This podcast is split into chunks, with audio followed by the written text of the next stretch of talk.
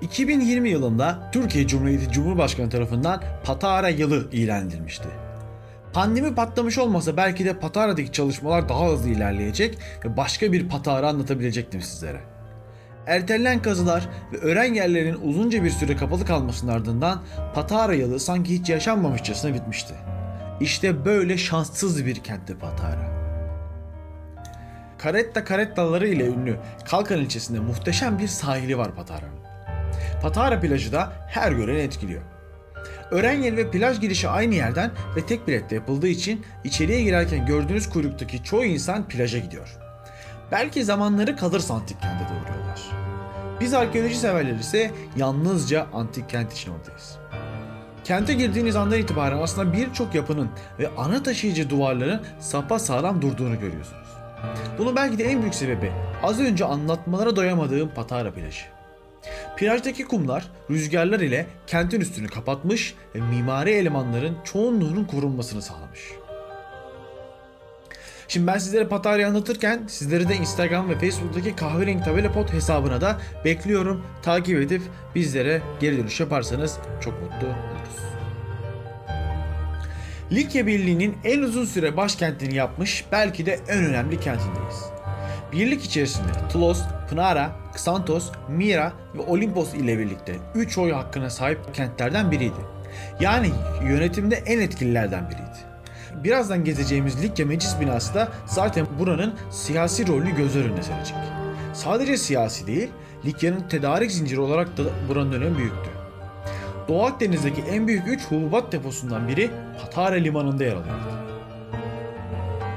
Likya Yarımadası'ndan Mira ve Olimpos'a doğru olan taraflarında da karadan ulaşımın zor oluşu ve Ksantos, Tulos gibi önemli kentlere yakın oluşuyla birlikte bu vadideki kentlerin denize açılan kapılarından biriydi. Patara ve eşsiz güzellikteki limanı. Noel Baba olarak bilinen San Nikolas da M.Ö. 4. yüzyılda Patara'da doğmuş, Roma'ya giderken de gemiye Patara limanından binmişti.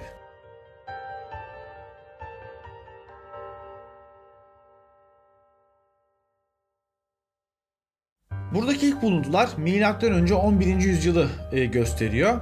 E, kazılar ise 1988 yılında başlamış. Yıllarca Büyük İskender dahil birçok önemli hükümdarın ele geçirdiği bu kent belki de birçok çağdaşı gibi sık el değiştirmemiş. Likya Birliği'nin güçlü, kuvvetli ve istikrarlı kenti olarak bilinirmiş. Patara'yı Patar yapan limanı zamanla gelen alüvyonlarla dolunca da kentin önemi giderek yitirilmeye başlamış. Ömrünün başlarında Apollon'un kehanet merkezi olan kent, ömrünün sonlarına yakında önemli bir Hristiyanlık merkezi olmuş. Kentin girişinde müze kartınızı okutup girdiğiniz yerin az ilerisinde kent kapısı karşılıyor bizleri. Bölgeden elde edilen kireç taşları ile inşa edilen kapı 19 metre uzunluğunda ve 10 metre yüksekliğindeydi. 4 tane devasa ayak ve 3 kemerli yapısı vardı. Kemerler arasındaki nişlerde heykelcikler ya da kabartmalar olduğu da tahmin ediliyor. Muhtemeldir ki bu kapı her iki tarafından da kenti sınırlayan bir sur ile devam ediyordu. İlk olarak milattan sonra 1. yüzyılda inşa edilen bu kapının yeniden böyle dimdik ayakta karşımız olması ise 2020 yılındaki Patara yılı sayesinde olmuş. Şimdi Patara'ya kent kapısından giriş yaptıktan sonra misafir karşılama bölgesine gidiyoruz. Burada önerilen bir gezi rotası var ve bizler de oradan devam ediyoruz şu an. Öncelikle karşımıza tiyatro çıkıyor. Yarım daireyi biraz aşan yapısıyla devasa görünüyordu. Orkestra çapı 80 metrenin bile üzerinde olan Patara tiyatrosu 6000 kişilikti. Seyircilerin güneşten korunması için kavaya kenarlarında bez olması muhtemel malzemelerden güneşlikler bile düşürülmüştü. Sahne binası olan Skenes'i de görmeye değiyor kesinlikle. 41,5'a 6,5 metre ölçülerindeki Skene yapısı iki katta tasarlanmıştı. Evet tiyatro M.Ö. 2. yüzyılda inşa edilmiş e, milattan sonra 2. yüzyıl civarında tüm erken Roma dönemi tiyatroları gibi tepesine tapınağı yapılmış ve ardından seyirci bölümü olan kaveye yükseltilip gladyatör dövüşleri için modifike de edilmiş. Şimdi Likya Birliği'nin eski çağ tarihinde eşsiz olduğu birçok alan sayabilirim sizlere. Fakat şimdi demokrasisinden bahsedeceğim. Montesquieu 1748 yılında Yasaların Ruhu isimli kitabında Likya Birliği'ni ilk cumhuriyet örneği olarak anlatmış. Bu muhteşem yapının, bu muhteşem meclis binasının da 2010 yılında Türkiye Büyük Millet Meclisi'nin fonlamasıyla yeniden canlandırıldığını söyleyerek devam edeyim anlatmaya. 42.80'e 30.6 metre ölçülerinde çok düzenli bir yapı gibi durur bu meclis binası. 21 oturma sıralı binada 1400 kişinin oturabileceği hesaplanmış. Yapı bu haline gelene kadar da birçok kere şekil ve işlev değiştirmiş. Önce 167 yılında Likya Birliği'nin siyasi toplantı yeri olarak başlamış hayatına. Milattan sonra 1. yüzyılda Roma hakimiyetine geçen kent meclis binasını büyütmüş. Sonrasında milattan sonra 2. yüzyılda meydana gelen depremle yıkılmış, sahne binası ve stoğalara eklenerek yeniden inşa edilmiş.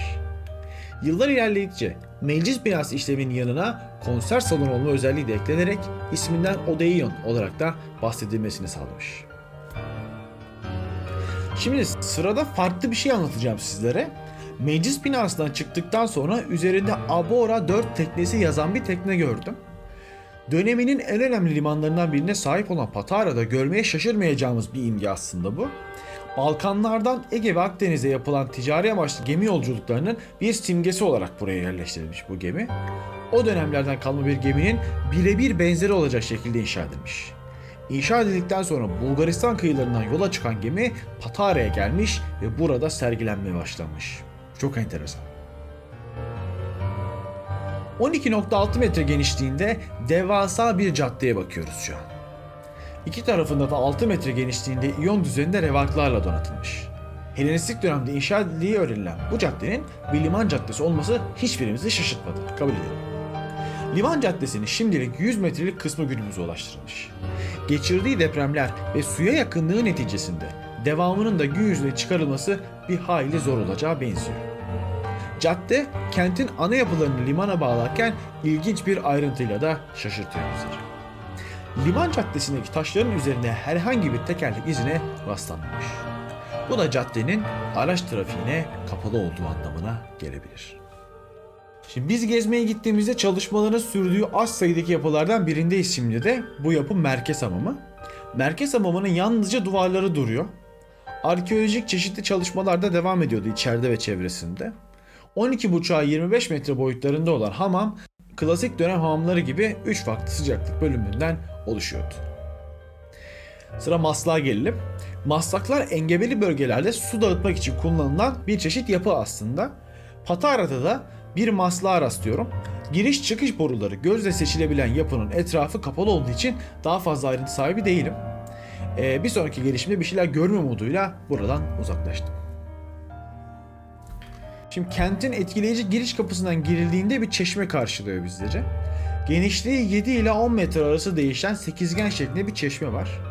Su geçirmeyen bir çeşit membran olan prapetle etrafının çevrilmesi, yapı temelini olabildiğince aşağıya yapıp daha rahat su birikmesinin sağlanması ve etrafındaki dahice tasarlanmış oturma yerleriyle ileri bir mühendislik işiydi. Milattan sonra 1. yüzyılda inşa edilmiş, milattan sonra 4. yüzyılda da yıkıldığı tespit edilmiş. Patara'da ilgi üzerine çeken bir hurmalık var. İsmi ise Leto hurmalı. Burası ile ilgili cümleler kurmadan konuyu Patara kurucu kazı başkanı Profesör Doktor Fahri Işık'a bırakıyorum. Apollo'nun dünyaya geldiği hurmalık Leto hurmalığı diye kutsallaştırılır. Yanı başına da antik liman var. Oraya da yıllardır çevredeki tüm köylüler tekerlek göre diyor. Hurmalığın yaşını bilimsel olarak henüz saptamak mümkün olmadı. Uzmanlar tarafından ağaçların değerlendirilmesi devam ediyor. Hurmalar antik cadde ve ara yolların yanına dizilmiş. Roma dönemindeki caddeye göre dikilmiş olabilir. Eğer öyleyse en az 2000 yıllık bir süreden söz ediyoruz. Sayın hocamız Fahri Işık böyle söylemiş. Şimdi biz Patara gezimizin sonuna gelirken merak uyandıran bir tabelaya gidiyoruz. Etrafı böyle kırmızı plakalarla çevrilmiş bir alanda e, Nero deniz feneri yazısını görüyorum. Milattan sonra 84 yılında Roma'nın en güçlü imparatorlarından Nero tarafından buraya bir deniz feneri yapılıyor. Tam da bugünlerde Fener'in yeniden canlandırılırken çekilmiş videosu Patara Kazı Başkanı Profesör Doktor Havva İşkan Işık'ın Instagram hesabında gördüm ve oldukça heyecanlandım. Sizlere de oraya bir bakmayı davet ediyorum. Şimdi ben sizlere Patara'yı anlatırken heyecanlandırmaya çalıştım. Umarım sizler de gördüğünüzde benimle aynı duyguları hissedersiniz. Sağlıcakla kalın. Bir sonraki bölümde görüşmek üzere.